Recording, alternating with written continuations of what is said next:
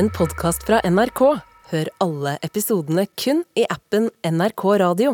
Gisle Gjevestad Agledal er en prisbelønt journalist og programleder som gjorde stor suksess med dokumentarserien Jævla homo i 2017. Agledal har eh, også vært en av deltakerne i TV 2-serien Bloggerne, og i fjor starta han stiftelsen Inch, som har som mål å heve det etiske og faglige nivået på den norske influenserbransjen. Dette er Drivkraft med Vegard Larsen i NRK P2. Gisle Gjevestad Agledal, velkommen til Drivkraft. Hei, tusen takk. Hvordan har du det? Jeg har det ganske fint. Um, har akkurat passe hektiske og utfordrende dager. Og har også tatt noen grep for å på en måte uh, roe de litt ned. Hvor- hvor- Hvorfor dette behovet for å ta disse grep? Hvordan tar man de grepene, lurer jeg på først. Eh, mitt, eh, det, jeg har funnet løsningen for meg selv, i hvert fall. Og det er å bli eh, deltidspappa for en liten hund. Hva slags hund? Det er en liten Hva heter det? Eh, vent, hunder er ikke det, er- Dette er helt nytt. Han heter Zico og er en Vet du, Jeg husker faktisk ikke hva det heter. Hvordan ser den ut, da? La meg vise deg et lite bilde. Ja. Hunder er nytt i mitt liv. Å Ja. Oh, ja. ja. En cocker spaniel, Kok- Ja, noe sånt. tror du ikke? Ja, Det så ut som en slags blanding. Ja. Ja, Han er en tolv år gammel eh, liten hund som helst har lyst til å gå veldig korte turer og ligge i sofaen. Ja. Som jo er på en måte litt relatable. som roer ned livet, da. sant? ja. Og så har jeg også eh, begynt i kor, så jeg har fått meg en ekte hobby. Men deltidspappa, altså er det sånn da at du Hvor ofte har du den bikkja? Vi, eh, jeg deler på den med en venninne. Ja. Eh, så, vi, så det har vært Nå har den vært hos oss i noen dager i uka. Den siste måneden, kanskje. Hæ. Og det er veldig Det, jeg, eh, det som jeg syns er så fint, er sånn Hvis jeg bare har vært ute av huset, handla noe eller vært på trening eller noe, Ja. og kommer hjem, hvor glad vi blir for å se hverandre. er sånn, det, eh, det er noen gode øyeblikk i, hverdagen som vi lager noe, liksom, noe litt annet da, enn løping og jobb og, og stress. Ja, Hvorfor øh, Men dette behovet for å kutte ned eller roe ned, hvor kommer det fra? da? Jeg tror at eh, jeg har en tendens til å falle litt liksom, inn i prosjektene jeg jobber med. Um, og har jo lyst til at det skal bli så bra som mulig. Mm.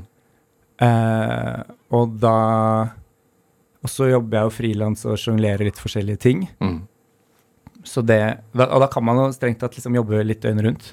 Så det å legge noen begrensninger for meg selv Rett og slett sånn Mandag kveld så må jeg være på det koret. Eh, tre ganger om dagen så skal jeg ut og lufte lille Siko.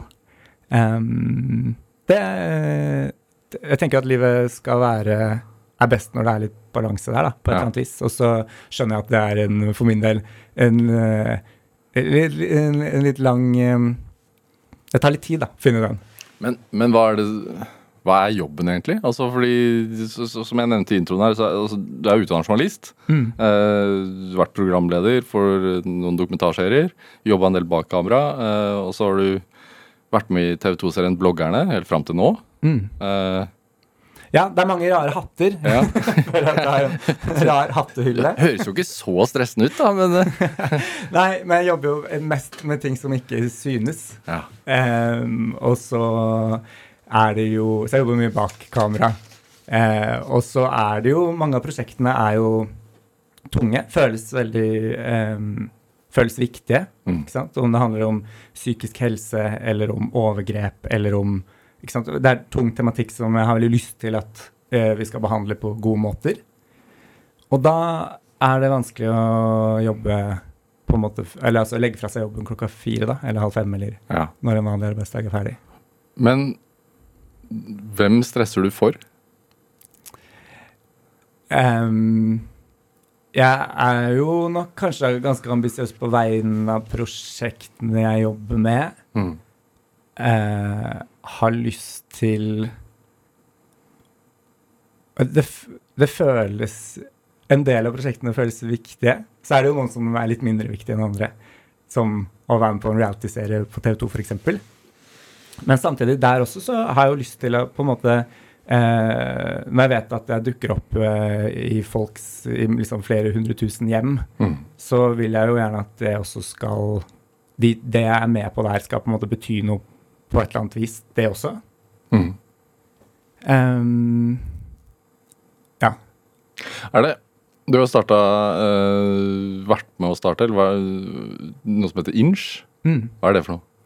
Um, Inch er et fellesskap uh, som eh, springer ut fra en idé om at på sosiale medier Altså så Inch som initiativ, da. Ja, Ja. stemmer. Vi prøver å liksom legge, det, legge det opp til at det skal være lett for folk å si sånn Nei, godt inch. eh, tanken er at det ligger så mye både penger og påvirkningskraft i sosiale medier. Mm. At der er det eh, jo, også, også jobber jo de altså influensere, profiler som bruker sosiale medier, de har De jobber i stor grad på egen hånd. Har kanskje noe management som selger, som pusher annonser for de osv. Eh, og så tror jeg at hvis vi går sammen om å eh, tenke litt igjennom hvordan vi bruker påvirkningskraften vår eh, Makten og rekkevidden på de plattformene er jo helt enorme. Mm.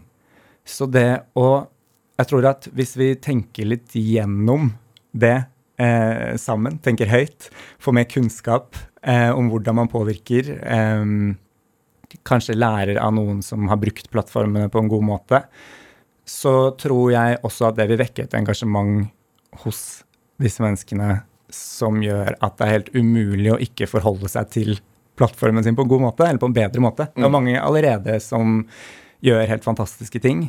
Jeg tror jo at det, den tilgangen man har i dag via sosiale medier på folks ideer og på kunnskap og på liv du ikke eh, hadde mulighet til å se tidligere, Mm.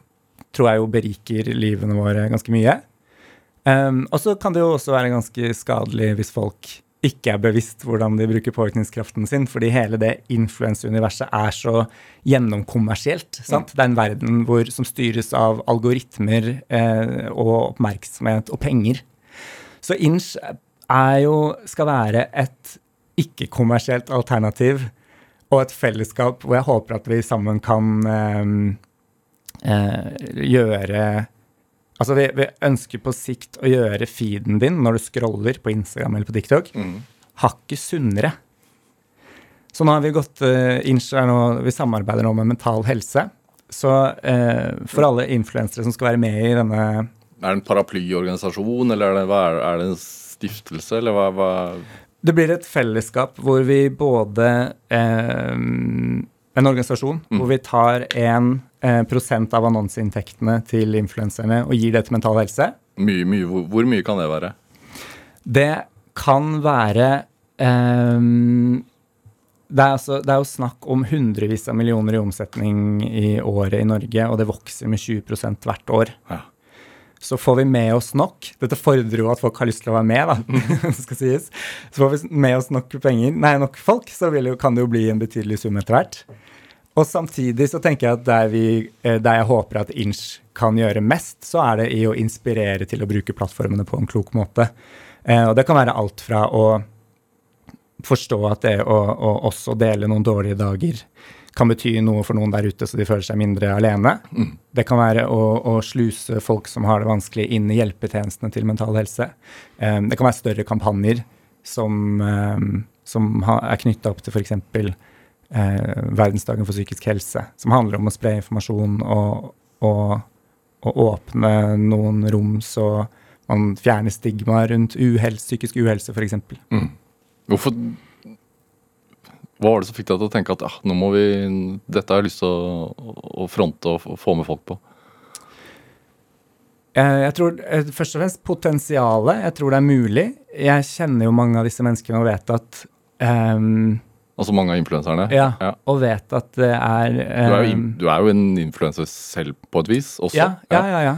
Um, og jeg vet at det er det er jo alt fra sant, friluftsliventusiaster til psykologer til Ex on the Beach-deltakere. Mm. Eh, mange av de er jo en, en liten business i seg selv, et lite foretak. Så det er liksom Det er jo drevne, mange dyktige, mange morsomme folk. Mm. Um, så det, og så tror jeg, jeg tror veldig på at folk vil godt. Så hvis vi i Inch klarer å gi en sånn enkel mulighet til å eh, gjøre noe godt, og si sånn hei, bli med på dette, Mm. eh, så kan de bare takke ja og møte opp og få noe, eh, bli inspirert og få noe kunnskap, så tror jeg at mange vil ta den muligheten. Mm. Ville du tatt den? Ja, ja, ja. ja. Jeg, prøv, jeg prøv, har jo prøvd å være veldig bevisst på hvordan jeg bruker um, jeg, født, jeg har noen følgere på Instagram, Mm. og jeg har prøvd å være ganske bevisst på hvordan jeg bruker uh, den plattformen. Og de kjenner jo at sånn Jeg tenker jo litt at jo flere følgere man har, jo større ansvar har man også. Selv om man ikke har bedt om et eksplisitt ansvar, så vet vi nok om påvirkningskraften Mm. til, uh, til de plattformene. Når du, sant, når du dukker opp i folks liv flere ganger om dagen, så tenker jeg at det er um, ikke bare viktig, men jeg tenker også at man Eller jeg tenker at man skal se på det, de mulighetene som um, Mulighetene til å gjøre noe for noen der Mm. er jo kjempefine. At Ja. det finnes. Tenk at du kan, kan det. Men, men har du møtt uh, influensere som har dårlig samvittighet på et vis? Jeg tror at eh, influensere er like forskjellige som mange andre yrkesgrupper. Jeg tror Man har veldig lett for å se for seg eh, en spesiell type person hvis du tenker på ordet influenser.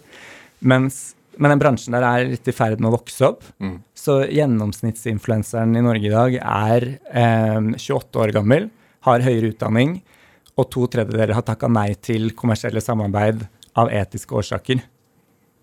Så, så, så, så, så gjennomsnittsinfluenseren er en 28 år gammel eh, eh, etisk bevisst kvinne med høyere utdanning. Og det er kanskje ikke det du ser for deg hvis du tenker på ordet influenser. Så jeg tror tida er litt inne for å på en måte profesjonalisere en bransje som i, liksom enda mer, da. Em, en bransje som har vært litt sånn Ville Vesten ganske lenge, og som har fått mye kritikk, også berettiget, tenker jeg, i mange tilfeller. Mm. Em, så jo flere tiltak som finnes som kan være med på å liksom holde det litt i tøylene, eller leve det litt i en mer profesjonell og kanskje litt varmere retning, Mm. tenker jeg at det er bra, da. Hvordan har det utviklet seg? Som du, som du beskriver en sånn Ville Vesten-tendens, og sa at den har blitt mer voksen de siste årene. Mm. Hvordan har du opplevd den utviklingen? Hvordan tenker du? Nei, i forhold til fra da det var Ville Vesten til nå? Ja, det er, men det er fortsatt ikke sant? Det, det som er så uforutsigbart eh, med den verdenen der, er at det, ting går veldig fort. Nå har jo TikTok kommet, med, som er en helt, helt annen aktør som holder på å spise opp hele markedet. Eh, som har litt andre spilleregler igjen. Eh, og som har en kinesisk eier. Eh, og hvor eh, måten deres algoritmer fungerer på, eh, gjør at Altså som, eller som er eh, enda plutselig liksom litt Det er kommet en ny sheriff i byen, på en måte, i den ville vesten. Um, som gjør at det er en enda større behov, tror jeg, for flere som er bevisst hvordan vi bruker plattformene, Ja. og også som er med på å bevisstgjøre følgerne på hvordan du bør forholde deg til den feeden din og til skjermtiden din og til hva du fyller hodet ditt med i løpet av dagen. da. interessant det der med sosiale medier. For jeg husker TikTok eh, kom jo sterkt for altså Sånn jeg opp, opp, opplevde det, i hvert fall mine nieser eh, holdt på med dette her for eh, fem-seks år siden. Eh, og min opplevelse da var at det bare var barn som brukte det. Um, filmet seg selv som sang og sånn hjemme til sine andre, til andre venninner som de holdt på med. det. Eh, og så har det eksplodert eh, også blant voksne. Jeg tenker sånn Som voksen influenser som har bygd seg opp en sånn karriere på Instagram, så kommer da dette nye mediet. Så må man bare gire om og, og satse på det. nå, nå må jeg lære dette her også. Har, er, er, er du på TikTok? Er det, Jeg, jeg, jeg, eh, jeg er foreløpig ikke på TikTok, men jeg vet at det er, jo bare et spørsmål om hvorfor, tid. nei, hvorfor ikke? Eh, Er du, er du lat? Er du en lat influenser? jeg, jeg er nok kanskje først og fremst eh, Jeg har nok tenkt på de sosiale mediene er jo, eh, er jo et verktøy mer kanskje i, em, i de andre prosjektene jeg jobber med. Mm. Eh, så jeg har jo brukt Instagram har vært veldig viktig for meg fordi em, det er en måte å holde kontakt med folk på. Eh, jeg tenker at de prosjektene jeg jobber i, både foran og bak, handler mye om em, Det handler jo ofte om å ta opp en tematikk som er ganske vanskelig å navigere i. Mm. Eh, det har vært seksualitet, identitet, eh, overgrep, personlighetsforstyrrelser. Og, og det å da eh, ha kontakt med en stor mengde unge mennesker som også stoler på meg, og det skal man jo passe seg litt for hvordan man bruker nettopp den tilliten, da. Mhm. Men, eh, men jeg har jo eh, fått da både liksom, ikke sant, lufta noen tanker underveis, eh, og fått, de, fått eh, feedback direkte fra hvordan folk forholder seg til liksom, hvordan vi angriper disse temaene. Mm. Og samtidig også funnet eh, kilder rent, altså, til journalistikken som jeg tror hadde vært vanskelig å få tak i ellers. Og det handler jo om folk som har historier som kan være vanskelig å dele.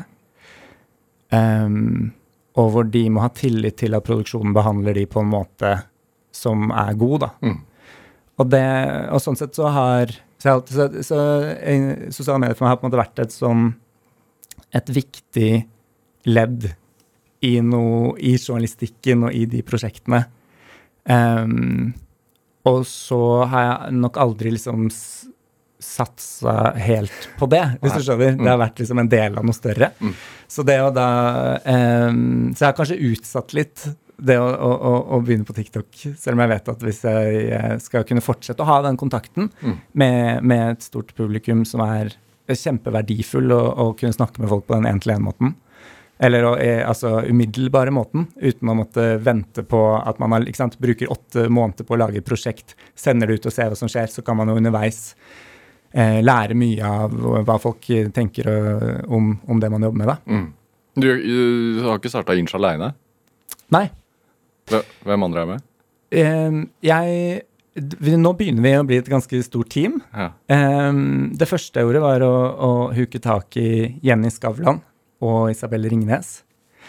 Som jeg tenkte, For jeg tenkte sånn Vent, hvordan kan man Denne ideen, som jeg selv syns var ganske god eh, Hvem er det jeg kan finne som eh, eh, kan være med å realisere den? Jeg visste jo ingenting om å starte noe sånt som dette. Eh, Googla ikke sant, hvordan starte en stiftelse, hvor, hva er en organisasjon, hvordan, ikke sant, hvordan kan man sette opp noe sånt som det.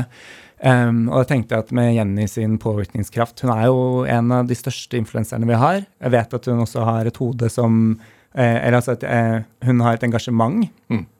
Så hun er veldig bevisst uh, sin påvirkningskraft.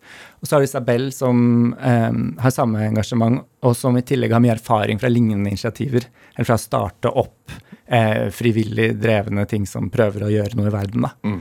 Uh, og så hadde jeg jo flaks med at begge, begge var med på dette.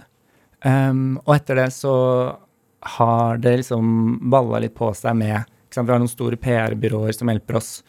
Det er mange små og store bedrifter som ønsker å få dette til. Mm. Eh, og enkeltpersoner som er knytta til oss i teamet. Og det som jeg liker så godt med den prosessen um, Det som er skummelt, var at jeg starta jo dette mens jeg filma bloggerne, eh, og det er skummelt å på en måte sette i gang med um, noe som man ikke aner hvordan går, og så skal det sendes på TV foran flere hundre tusen. Men, men jeg um, opplever på en måte at, at jeg tror vi er mange som som ser hvor mye sosiale medier påvirker oss, og spesielt kanskje den, de yngste. Mm. Um, og det å det, Jeg tror vi Eller det er så fint å se i en veldig kommersiell verden at dette initiativet Nå er det så mange som bruker tid eh, og penger på å få dette til å skje. Og jeg opplever jo at det, grunnen til at folk er med, er fordi man har troa på litt liksom At folk har lyst til å være med og gjøre noe godt. Mm. Eh, Man har troa på at dette skal vi få til. Um, og det er, og det er noe, en sånn frivillighet som er eh, Som jeg syns er eh, veldig på en måte inspirerende. Eller sånn, Det er en god kraft i den frivilligheten. Um, og den troa på at vi skal få til noe godt sammen som ikke handler om penger, eller ikke handler om å liksom Ja.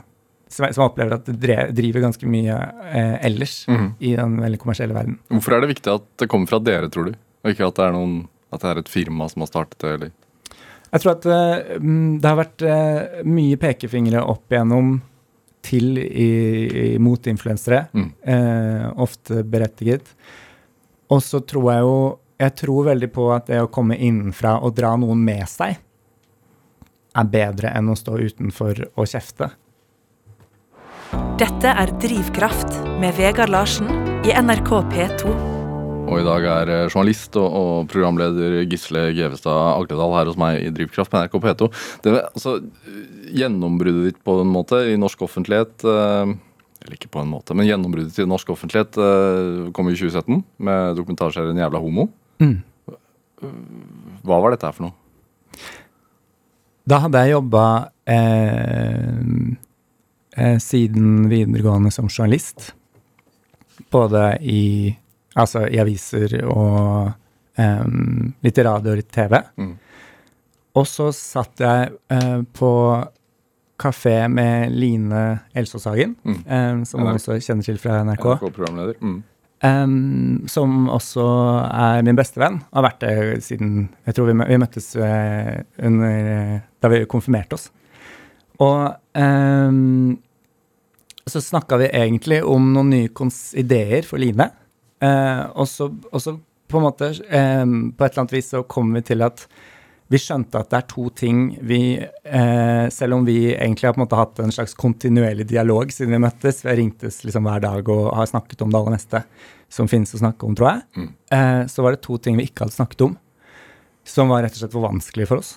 Eh, og det var min eh, mitt forhold til liksom, seksualitet og identitet, som jeg ikke hadde turt å snakke om. Og så var det hennes forhold til kroppen hennes. Mm. Og så tror jeg vi da skjønte at på en måte sånn Her er det Hvordan kom dere inn på det temaet? da? Jeg tror at vi Vi er, helt, vi er liksom Jeg tror vi Vi har jo Det har vært, det, er- det har vært eh, få sperrer på en måte for hva det er, er vært mulig å snakke om mellom oss. Eh, og så tror jeg samtidig at vi har hatt så respekt for når noe er såpass vanskelig, så skal, er det heller ikke noe å liksom mase seg inn på. Mm. Men ehm, i P3 på den tiden, det er jo noen år siden, så var strategien at vi ville alltid se etter et behov for målgruppa som man lager TV for, mm. som vi eh, Og så prøve å på en måte finne ut hva, hvordan kan vi hjelpe Hva er det ikke sant? Hva er det 17-åringen eller 22-åringen eh, syns er vanskelig om dagen? Og er det noe vi kan gjøre? Kan vi lage noe som gjør den situasjonen bedre på et eller annet vis? Det var strategien til P3 da. Mm.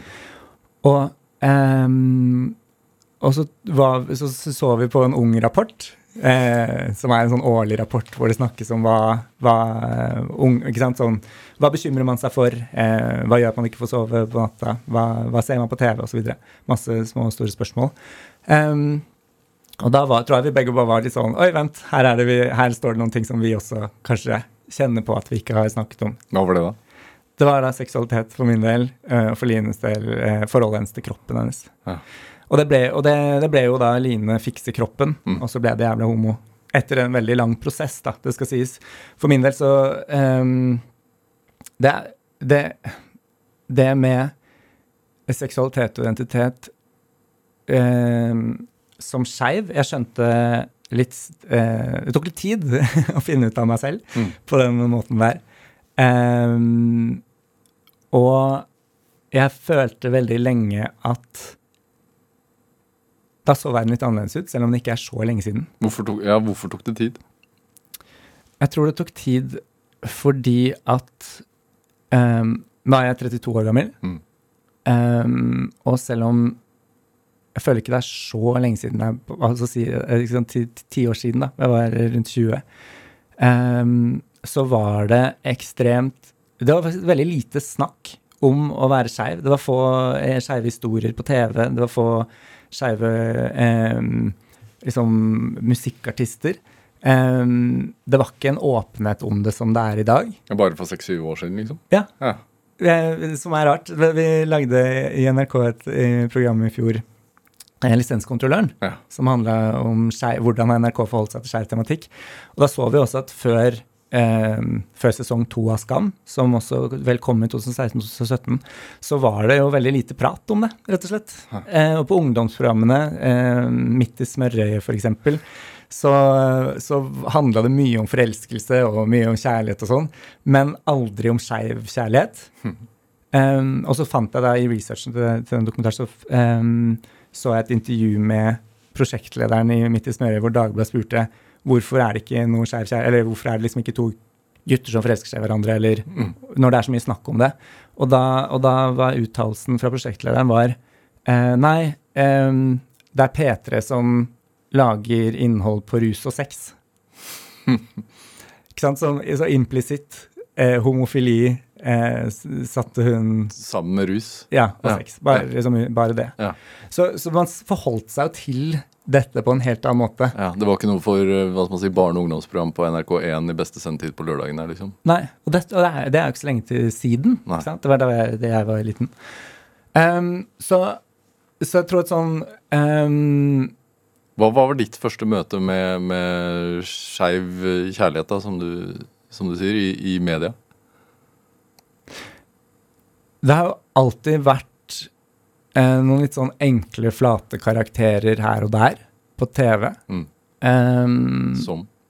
Som eh, for eksempel eh, Jeg husker Yngve Freiholt i Borettslaget. Som jo er ikke sant, en kjempefin og morsom fyr. Men karikert? Men veldig karikert. Mm. Men, men også bare eh, men For det er ikke noe galt med de karakterene som fantes. Men man kom aldri, liksom, man kom aldri så langt inn på innsiden av hvordan det livet var. Mm. Eller ikke hvordan de følelsene kan være. Um, det, var of, det var ofte liksom veldig sånn eh, comic relief-karakterer. At de var der for å være, ha en punchline, eller, eller være en punchline Mm. um, i, på, i ulike komiserier osv. Så, videre. så Så de liksom, de liksom ekte, liksom virkelige opplevelsene av hvordan det er å vokse opp som skeiv, eh, var det veldig få av. Og det er ganske nytt at det nå, nå finnes det jo overalt. Nå kan du ikke se Netflix-serie for unge uten at det er mye mangfold representert der, og mange historier. Men, um, men det var en litt annen tid. Um, og jeg tror, at sånn det, jeg tror det å ikke se seg selv, eh, eller oppleve at jeg ikke så meg selv noe sted, det gjorde at det var vanskelig å plassere seg også. Um, og så har jeg aldri opplevd seksualiteten som helt svart-hvitt. Det å gjorde nok at jeg rota litt, på en måte. Og så syns jeg det var Jeg syns det var vanskelig jeg tror, jeg tror at da jeg var liten, så opplevde jeg at det å være skeiv um, Jeg leste av samfunnet rundt meg at det var noe uønska. Mhm. Og det handler på en måte litt om, om um, Det handler jo, tror jeg, mye om bare rent sånn homoskjellsord, som fortsatt er noe av det vanligste i skolegården. Mm. Uh, Derav tittelen 'Jævla homo'. ja. Ja. Og, og det, jeg tror det Selv om på en måte sånn et, å få et skjellsord slengt etter seg ikke i seg selv uh, alene er kanskje ikke så farlig, men etter mange år hvor du hører at det mm, rett og slett er, ikke sant? Det er, det er noe uønska. Mm. Det er noe man ikke vil være, på en måte. Sånn ja, Å å nei, stakkars deg, men ja ja, dette skal gå bra. Innstilling også, faktisk. Ja, det, og, det er mye, og, og rett og slett, det vet man også hvis man altså, eh, Nå er det litt TV-nerdete, men de fleste av historiene som har blitt fortalt om skeive på film og TV, ehm, der, der går det ganske dårlig med den skeive karakteren. Og det er veldig vanlig at den rett og slett eh, storylinen deres ender med at de dør på et eller annet vis. Så det er en sånn TV-trope Ja. som, eh, som kalles for 'bury your gaze'. Altså at man begraver de skeive karakterene. Ja. Som eh, for, det, for ikke sant, at, at, at de ofte brukes som lidelsesfortellinger. Ja. Um, så man, jeg, jeg, man var rett og slett ikke vant til å se at det gikk an å ha det bra som skeiv. Hmm. Og det tror jeg sånn, eh, ikke sant, Mange år med det tror jeg setter seg, og da må man lære noe nytt, mm. rett og slett. Mm. Og hva, hva, hva, hva ble Altså, hva var pitchen da? Altså, hva var tanken bak den serien? Altså at du skulle Tanken var ehm, vi, vi Tanken var at ehm, det var jo en dokumentarserie Mm. ehm, hvor jeg som skeiv journalist skulle gå fra å være utrygg, full av fordommer, ehm, Fordommer mot hva? mot å være skeiv, mot meg selv, Ha. mot hva det liksom hva det innebar, på en måte, å være skeiv. Og, og fra å gå fra det til å bli trygg og glad i hele meg. Og da vi, da vi jobba med det, så tenkte jeg jo i starten at sånn Ok, lykke til med det. At jeg var usikker på om det var mulig, da. Ja. Fordi det satt så Jeg tror det liksom Jeg tror at vokser man opp, i hvert fall for noen år siden, eh, og så vet jeg at for mange er det fortsatt sånn i dag, så kan det være ehm, Det er en del liksom, signaler om nettopp at man er uønska. Jeg tror mange Jeg, i hvert fall. ehm, d- eh, I løpet av ungdomsårene så var det Jeg liksom lærte meg på en måte å tilpasse meg litt Hvordan det? um, passa på hvordan jeg bevegde meg, hvordan jeg la stemmeleie. Eh, og dette var ikke bevisst engang, tror jeg, men at jeg liksom skjønte at sånn, jeg må passe på at jeg ikke provoserer noen. Um, passe på at jeg ikke Ja, det, det, det handler også Ja, nei, det passer på at jeg ikke um, er provoserende for noen, rett og slett. Og jeg tror jeg tror også sånn Det Det har jo det er, Jeg tror at vi er mange som har måttet på en måte brukt mye tid på å finne tilbake til den vi egentlig var ment til å være. Fordi man har eh, skrelt vekk noen ting, eller lagt på noen andre lag Mm. Av eh, seg selv. um, på grunn av uh, litt sånn en saus av skam og frykt og uh, redselen for ikke å få høre til, kanskje, først og fremst. Mm. Og så er dette i endring. Ting går veldig fort. Som du sier, det er liksom rart å tenke tilbake på at sånn Å ja, for syv-åtte år siden var det ikke så mye var Snakka vi om dette på en helt annen måte. Mm. Um, men det her Ja. Nei, er også syns jeg bare sånn Det er helt vanvittig. Jeg bare, det som jeg fortsatt Etter å ha jobba med den tematikken nå ganske lenge, så er det jo det rareste jeg vet fortsatt. Det er på en måte sånn at jeg fatter fortsatt ikke at det skal være et problem å være skeiv. Mm.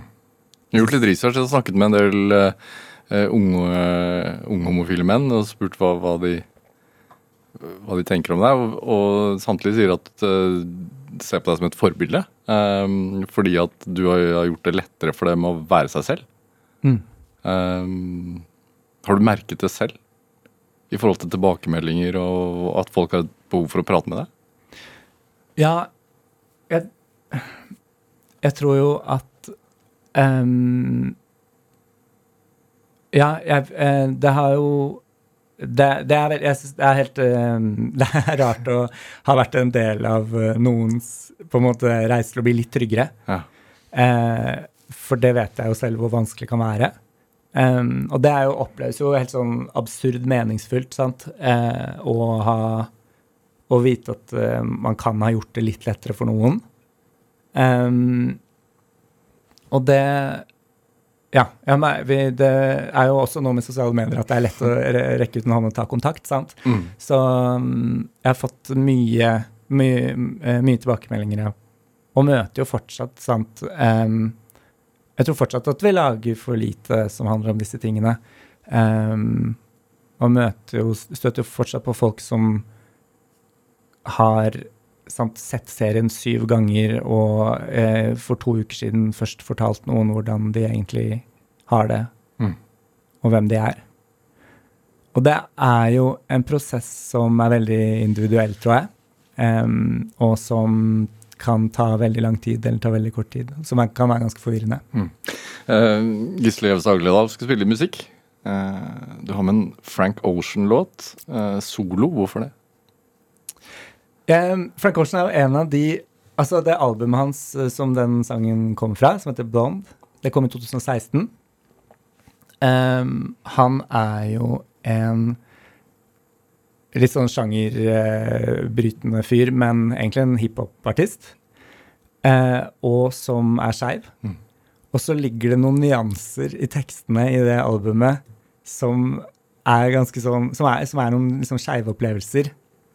Som jeg tror er lett for mange å ikke tenke på eller unngå, eller at man ikke plukker opp engang.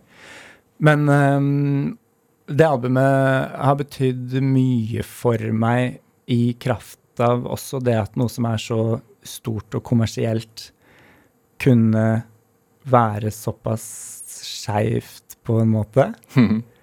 Og ehm, Ja, det, vi er ikke bortskjemt med de skeive opplevelsene her. Og så er det bare, ja, så er det et godt album. Det er det. Hand me a towel, I'm dirty dancing by myself, gone off tabs of that acid. Form me a circle, watch my jagger. Might lose my jacket and hit a solo one time. We too loud in public, them police turned down a function. Now we outside and the timing's perfect. Forgot to tell you, gotta tell you how much I vibe with you. And we don't gotta be solo. Now stay away from highways. My eyes like them red lights. Right now, I prefer yellow, red bone, so mellow. Fuck around, be cutting you. Think we were better off solo. I got that act right in the windy city that night. No trees to blow through, but blow me, and I owe you two grams when the sunrise. Smoking good, rolling solo. Solo. Solo. Solo. Solo. Solo. Solo. Solo. It's hell on earth and the city's on fire. In hell, in hell, there's heaven. There's a bull and a matador dueling in the sky. In hell, in hell, there's heaven.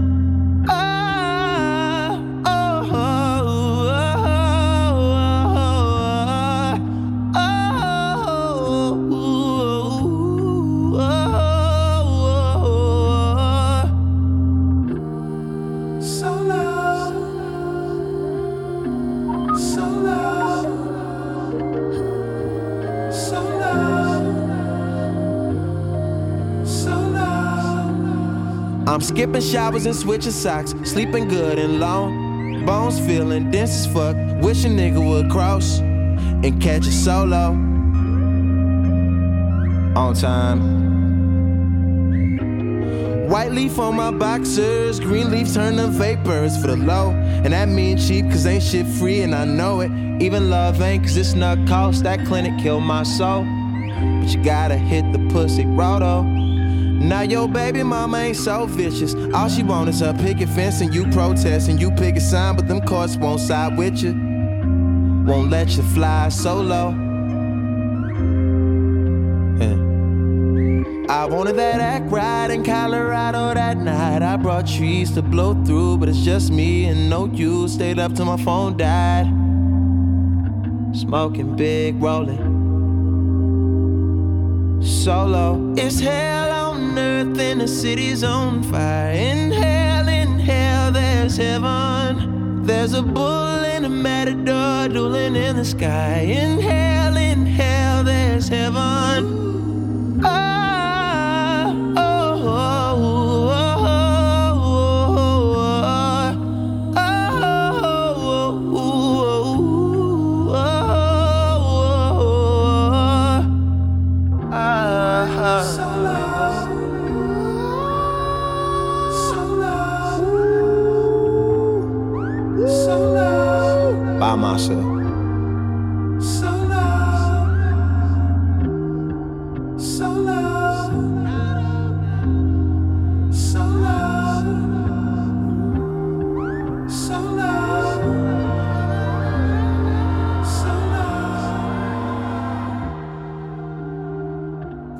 Ja, Du fikk eh, Frank Ocean med Solo her i Drivkraft NRK P2. Valgt av dagens gjest her i Drivkraft, nemlig journalist og programleder eh, Gisle Gjevestad Agledal. Mens vi hørte på den, så sa de sånn Det er én ting til jeg har lyst til å si om den låten. ja, jeg, eh, for jeg tror jeg, akkurat den sangen tror jeg egentlig handler litt mye om rusmidler. Men eh, han synger i refrenget, så synger han at, eh, at eh, byen står i brann, men i det minste så er, eh, så er liksom sky, skyene Det er noen skyformasjoner på himmelen som er ganske fine. Ja.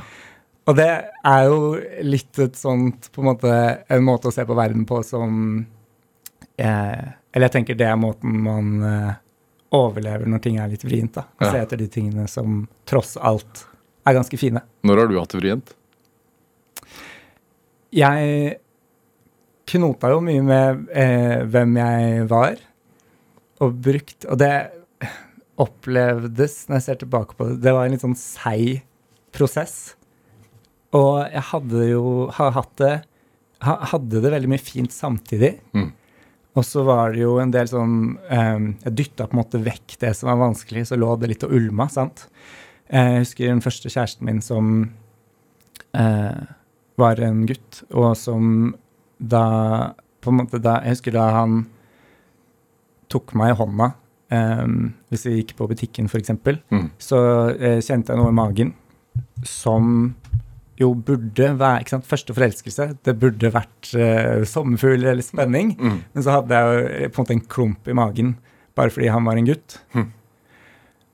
Og det tærer jo litt på, da, rett og slett. Hvis det skal være sånn veldig lenge. Hvor gammel var du da? Da var jeg vel kanskje i starten av 20-årene. Ja. Så, så voksen, egentlig. Ja, men jeg tror at øh, Ja, men jeg, jeg Jo, det kan du si. Men øh, jeg opplevde jo veldig Det tok litt tid før jeg liksom fikk sjanse til å finne ut av disse tingene. Mm. Um, Hvem var du som barn da, i Larvik? ah, da var jeg et uh, rart lite barn som leste veldig mye. Ja. Eh, kledde meg ut for å gå på Ringenes herre-premiere da jeg var elleve år. Eh, Som hvem? Eh, som en alv. Ja, som en alv. En liten alv. Ja. Og var ehm, Og hadde Eller jeg leste mye, spilte mye PlayStation, eh, rømte inn i noen liksom, fantasy-verdener. ehm, og tegna mye. Liksom holdt på med mitt, på en måte. Mm. Og så samtidig så Eller etter hvert, da, så Eller jeg var, altså, jeg var på en måte en, en liten rar nerd som også kanskje hadde et litt sånn alvor over meg noen ganger, har jeg skjønt. Um, Grublende, liksom. grublende, ja. Ja. Hva slags hjem er du fra? Vokste opp i et veldig um, Jeg har hatt flaks med en veldig fin familie. Ja. Glad i, i um, to brødre og foreldrene mine. Jeg fortsatt Altså, jeg ser på mamma og pappa som noen av mine nærmeste. Eh, så det er gøy å henge med de. Mm. De um, er, de er, eh, har vært liksom lærere, spesialpedagoger. Um, så, og har alltid kanskje Det har alltid vært mange litt sånn utfordrende diskusjoner og samtaler hjemme. Om hva? Om Nei, altså eh, Om eh, Kanskje mye om hvordan, hvem vi er, og hvordan vi bruker tida vår. Eh, om verdier og om samfunnet. Altså sånn at man må bidra, liksom. Eh, ja. At Ja, men kanskje om hva som er viktig og ikke. Um, Hva mente de var viktig, da? Eller er viktig? Jeg tror at Um, de mener nok at det aller viktigste er å være, å være snill, rett og slett. Så enkelt som det. Å være omsorgsfull eh, overfor på en måte både verden rundt seg og de menneskene som er i den. Um, og er veldig lite opptatt av typ sånn um? Det at jeg, at jeg uh, om jeg får et TV-program, f.eks., så er jo det noe mange syns er litt stas. Det er helt, helt uinteressant i det hjemmet der. um, det er lite liksom sånn Hva henger høyt, da? Nei, hvis det, hvis det programmet kan gjøre noe for noen, ikke sant? Ja. Men eh, da, da Ja, at så, sånn eh, Måten man bruker da man først har fått en plattform, måten Mm. man bruker den på, kanskje, kan henge høyt, da. Men sånn lite interessert, ikke sant. Eh, luksus og penger og, eh, og alt eh, Den delen av verden, på en måte. Ja. I en episode av Bloggerne så sier du eh, sier du at i en verden som er så uoversiktlig og mye, det er mye går galt om dagen, så syns jeg man må bruke posisjonen sin til å gjøre noe godt. Mm. Er det, Kommer det egentlig hjemmefra? Ja, altså jeg tror jeg har uh, På skuldrene mine så sitter, sitter og pappa uh, ofte, tror jeg, i en del sånne avgjørelser om hvordan jeg bruker tiden min, da. Mm. Ehm, så det kommer no Jeg har nok med meg de verdiene derfra. Og det setter jeg jo veldig pris på, fordi det er jo ikke minst liksom i den veldig kommersielle verden som jeg også har en fot i, som er den mediebransjen og influensebransjen, um, så er det greit å ha tenkt gjennom et par ting på forhånd, da. Og så mener jeg jo rett og slett om Jeg tenker jo også at um, man trenger ikke å ha en TV-serie eller masse følgere for å ha en god påvirkning på folk. Nei. Det handler jo kanskje, Eller kanskje viktigere hvordan man snakker med klassen sin eller med familien sin, eller ikke sant, At det er kanskje, um, kanskje der man kan ha størst påvirkning på de man er nærmest. Men som, som barn og ungdom da, så blir man jo påvirket av verden rundt seg. Absolutt. Hvordan ble det har det blitt møtt da, når du har kommet hjem med middagsbordet og sagt at du ønsker deg de og de tingene, og har de, og- har de og de, eventuelt de og de forbildene, har det blitt slått ned på, liksom? Eh, ja, altså vi har en eh, um, Det er en kontinuerlig diskusjon hjemme akkurat på um, Eller jeg tror vi, jeg tror vi liksom utfordrer hverandre Ja. eh, på at jeg kan se verdi i noe som de syns er litt uinteressant. Um, og så kan jeg bli litt revet med av ting. Jeg blir fort revet med av ting, eller engasjert i ting som ikke nødvendigvis er så viktig også. Eh, og da kan de være litt sånn hm, ja, eh, hvor, hvor, Stille noen, still noen hvorfor-spørsmål. Som for eksempel? Som for eksempel eh, Hva er det Nei, ta bloggerne, da. Ja. Hvor, en en, en reality-serie på TV2 så vet jeg at kanskje ikke de syns det er så stas at jeg står eh, på et promobilde kledd i rosa mens jeg lener meg ømt inntil en gjeng andre influensere. Hvorfor det? Nei, fordi det, det er også, ikke sant, også ser jeg det er veldig sånn Det er jo så pynta litt sånn eh, mye Der er man jo veldig sånn shina opp på en sånn TV 2-promobildemåte. Polert. Polert, ganske polert, ja, rett og slett. Um, og da er det jo Da snakker vi jo litt om på en måte sånn OK, men hva Eller hvor, hvorfor skal jeg være med på dette i utgangspunktet, da? Um, og det hadde jeg jo med meg inn også. Nå ble jeg jo med i bloggeren fordi jeg skulle arrangere pride på, i en bitte liten bygd. Mm. Eh, og tenkte at det var en historie som eh, kanskje kunne bety noe for noen flere, eller var interessant eh, for flere. Hvor, hvor altså har, eh, har det vært vanskelig pga. barndomshjemmet og, og i forhold til seksualitet? Nei, det har det ikke. Eh, jeg fortalte vel mamma og pappa eh, da jeg gikk på videregående, så sa jeg sånn Oi, hei, å, det kan hende at jeg kom Jeg vet ikke om jeg kom hjem med en gutt eller jente når jeg først får meg kjæreste. Mm. Um, og så var de sånn Oi, så spennende, få høre mer. Og så sa jeg, husker jeg sånn nei, dette det, Jeg orker ikke å forholde meg til dette akkurat nå. Jeg syns det er for vanskelig. Jeg må finne litt ut av det på egen hånd. Um, så der har det vært uh, høy takhøyde, egentlig, for sånne ting. Mm. Altså helt uproblematisk. Det er virkelig eh, De går jo de, um, Jeg tror ikke de kunne vært stoltere over hvem, hvem jeg er. Um, og går liksom fremst i toget, de, på en måte, under pride. Men hvor, hvor mye ansvar har vi som foreldre? Jeg tror at en ting som kunne gjort det lettere for meg, eh, som jeg ikke klandrer de for, men jeg tror at man kunne vært eh, tror man kan være eh, litt flinkere til å eh, ha et sånn mer inkluderende språk, i stedet for at det er på en måte sånn er det, Var det noen søte jenter på skolen i dag? Ja. At man åpner mulighetsrommet for at det kan faktisk hende det er guttene du syns er søte. Ja. Eller begge. Um, jeg tror at uh, Men jeg tror at sånn Da jeg vokste opp, så var det like lite prat om identitet og seksualitet hjemme som det var i resten av samfunnet. Um, men det har alltid vært heiing på den kanten på det. Ja. Så det, og så tror jeg for min egen del så har det jo på en måte handla om både um, det, er, det er jo en, en, det er ofte en frykt som er litt uh, uh, eh, irrasjonell for Mm. å ikke få lov til å høre til. For det er jo ytterst sjelden det ikke går bra når man først eh, forteller hvem man er. Mm. Men jeg, altså, jeg er jo pappa selv til to små gutter. Mm. Hva slags ansvar har jeg? Ah, jeg tenker at eh, det du Mulighetsrommet ditt for å kunne hjelpe de til å være den de viser seg å være, eh, er ganske stort. Mm. Og at det Ja, det tenker jeg du bør, bør ta på alvor, da. Ja, hvordan gjør jeg det?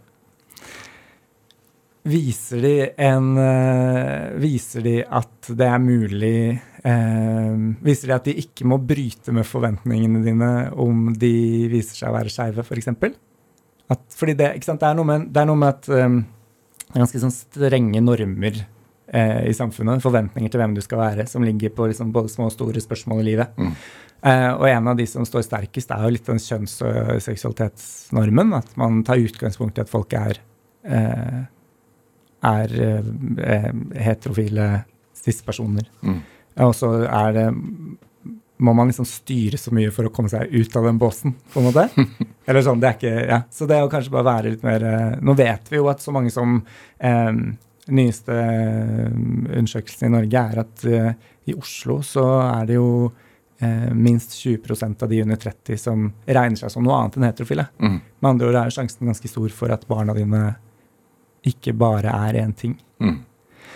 Så det å, å bare rett og slett liksom være klar over det, så tror jeg mye er gjort, da. Mm. Og sånn har det jo alltid vært. Ja. ja. Ik? Det er ikke det at folk blir skeivere, men eh, heldigvis så blir vi mer åpne om hvem vi er. Ja. At det er eh, mindre stigmatiserende. Det med det derre bygda-prosjektet ditt, Ja. hva, hva, hva var det? For du- nå er du hjemme igjen, men altså, det var en periode du flytta til Telemark.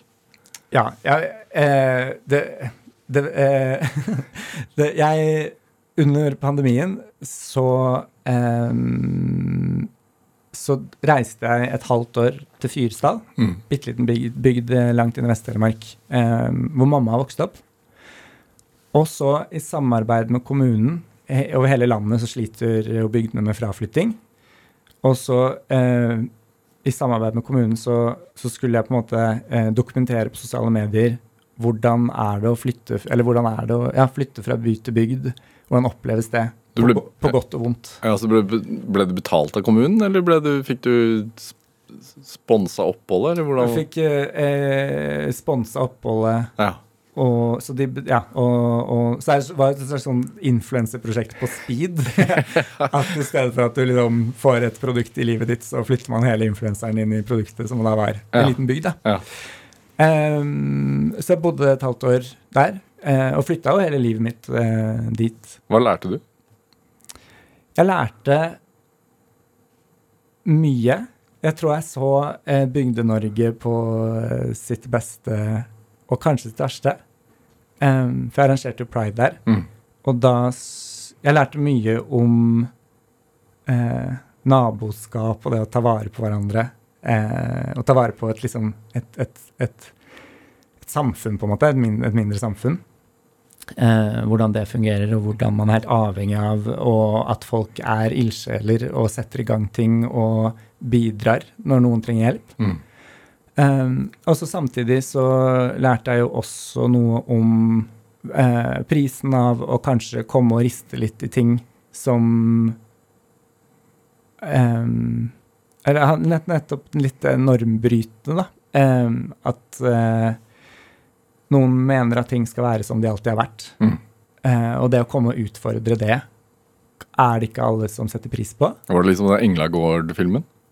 Den, ja, det, den referansen tar jeg ikke. Nei, du er for ung. Nei, da, det er en svensk film, svensk klassikerfilm, hvor, hvor, hvor det er en, en, kvinne som arver et hus altså, på bygda, og kommer dit og eh, Sammen med sin eh, bestevenn, som er jo en homofil mann, og de river opp det samfunnet, for å si det sånn. Ja. Men det, folk blir veldig glad i De blir mer åpne etter hvert. Og Ja. det blir et bedre sam, bygdesamfunn.